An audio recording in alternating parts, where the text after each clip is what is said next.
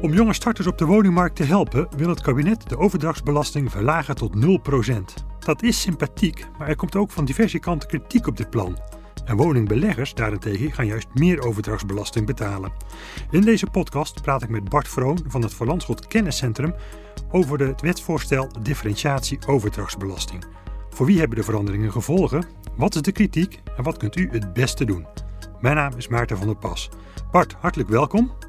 Dankjewel, goeiedag. Ja, Bart, en op Prinsjesdag hè, kondigde de regering wijzigingen voor box 3 aan. En de meeste aandacht ging toch wel uit naar de plannen voor de overdrachtsbelasting. Hè. Er komen drie tarieven, waarvan twee nieuwe. En het grootste nieuws was eigenlijk toch wel dat de vrijstelling voor starters er komt. Kun je ons even meenemen in hoe het is met de overdrachtsbelasting en hoe het moet gaan worden volgens het kabinet? Nou, nu zijn er eigenlijk twee tarieven. Je hebt het tarief van 2% voor woningen en het tarief van 6% voor uh, alle andere vastgoedobjecten. Mm En vanaf 1 januari 2021 zouden er dus drie tarieven komen. Eén tarief van 0% voor starters, één tarief van 2% voor woningen die voor zelfbewoning gebruikt worden en een tarief van 8% voor alle andere vastgoedobjecten. Ja. En die eerste, ja, die eigen woning, dat gaat natuurlijk om een woning die je zelf gaat gebruiken. Mm -hmm. En ik begreep ook van starters, dat is ook heel strikt gedefinieerd, dat zijn mensen van 18 tot uh, 34, of tot en met 34 jaar. Juist, Mm En uh, ja, we moeten dus eigenlijk benadrukken dat het nog maar een wetsvoorstel is. Hè? Dus ja, natuurlijk de Tweede, Eerste Kamer moet er ook nog over debatteren. En het kan best zo zijn dat er allerlei wijzigingen komen. Maar goed, laten we in deze podcast er dan toch wel van uitgaan van het plan zoals dat nu op tafel ligt. En die startersvrijstelling is natuurlijk gericht om hè, belemmeringen voor starters weg te nemen op die woningmarkt. Hoe werkt dat precies in de praktijk? Nou, die uh, vrijstelling is bedoeld om alle starters het makkelijker te maken om toe te treden tot de woningmarkt. En, uh, maar het maakt natuurlijk nogal uit of je een starter bent met wat eigen geld, of die inmiddels de zogenaamde jubelton heeft ontvangen, of dat je helemaal geen eigen geld hebt. Stel je nou voor, je wilt een woning kopen van 300.000 euro, dan zou je dit jaar zou je 6.000 euro overdrachtsbelasting moeten betalen en bijvoorbeeld 1000 euro uh, notariskosten. Dus in totaal zou je zelf 7000 euro eigen geld moeten meebrengen. Mhm. En volgend jaar is dat dan anders. Je betaalt dan geen overdrachtsbelasting. En je hoeft dan eigenlijk maar 1000 euro mee te brengen. En dat scheelt nogal.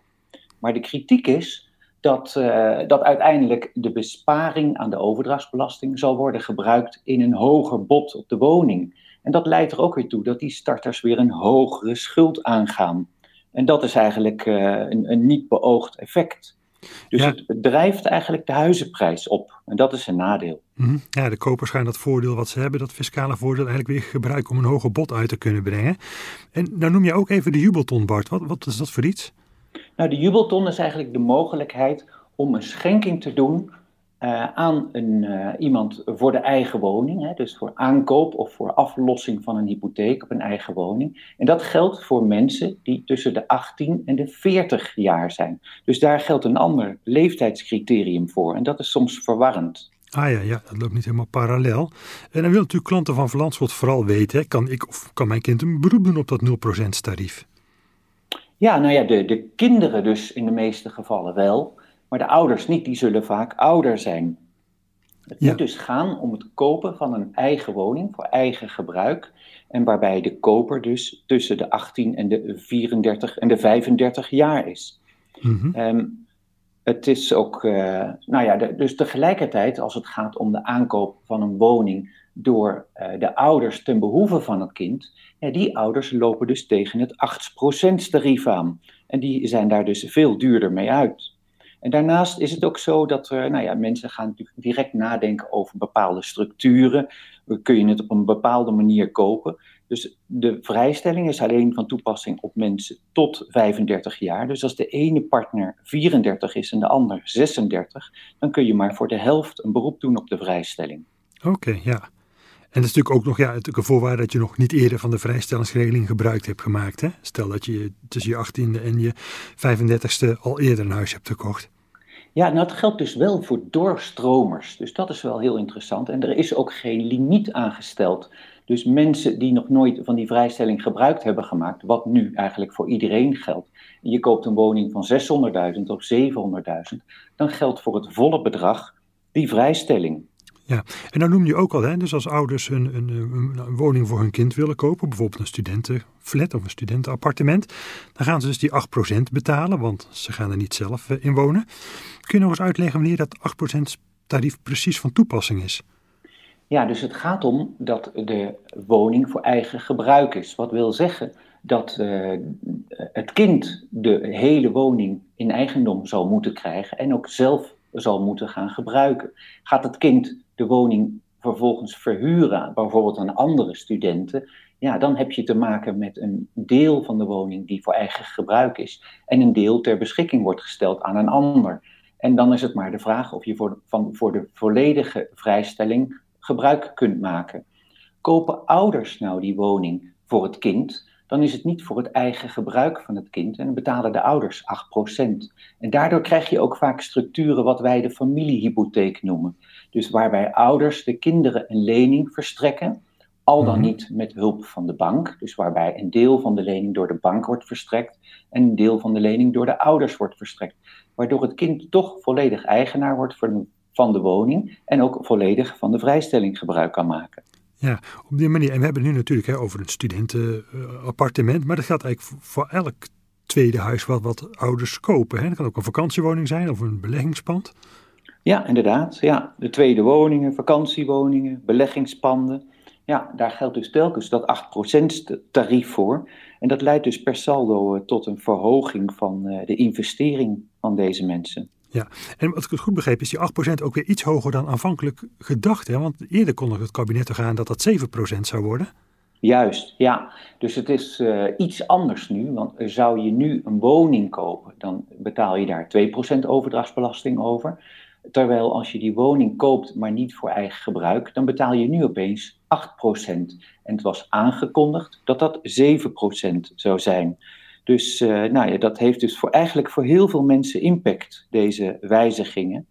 En uh, er zit ook wel een kanttekening aan, want je hebt ook veel uh, projectontwikkelaars, bedrijven, die mm woningen opkopen, verbouwen en vervolgens doorverkopen aan starters. En die worden hier eigenlijk mee ontmoedigd. En nou, dat kan niet de bedoeling zijn, want je wilt juist de, woning, de woningvoorraad wil je vergroten.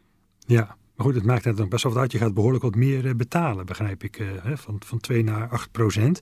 Juist. ja, wat ik mij dan eigenlijk afvraag, hè, want niet uit de minste hoe kwam er kritiek op dit kabinetsplan hè, om te variëren in de overdrachtsbelasting. Bijvoorbeeld van het Centraal Planbureau. En de Raad van State had het zelfs over hè, een beperkte doelmatigheid. Die, die benadrukt de fraudegevoeligheid van het voorstel. En het zou ook slecht te handhaven zijn. Waarom heeft het kabinet dan toch doorgezet?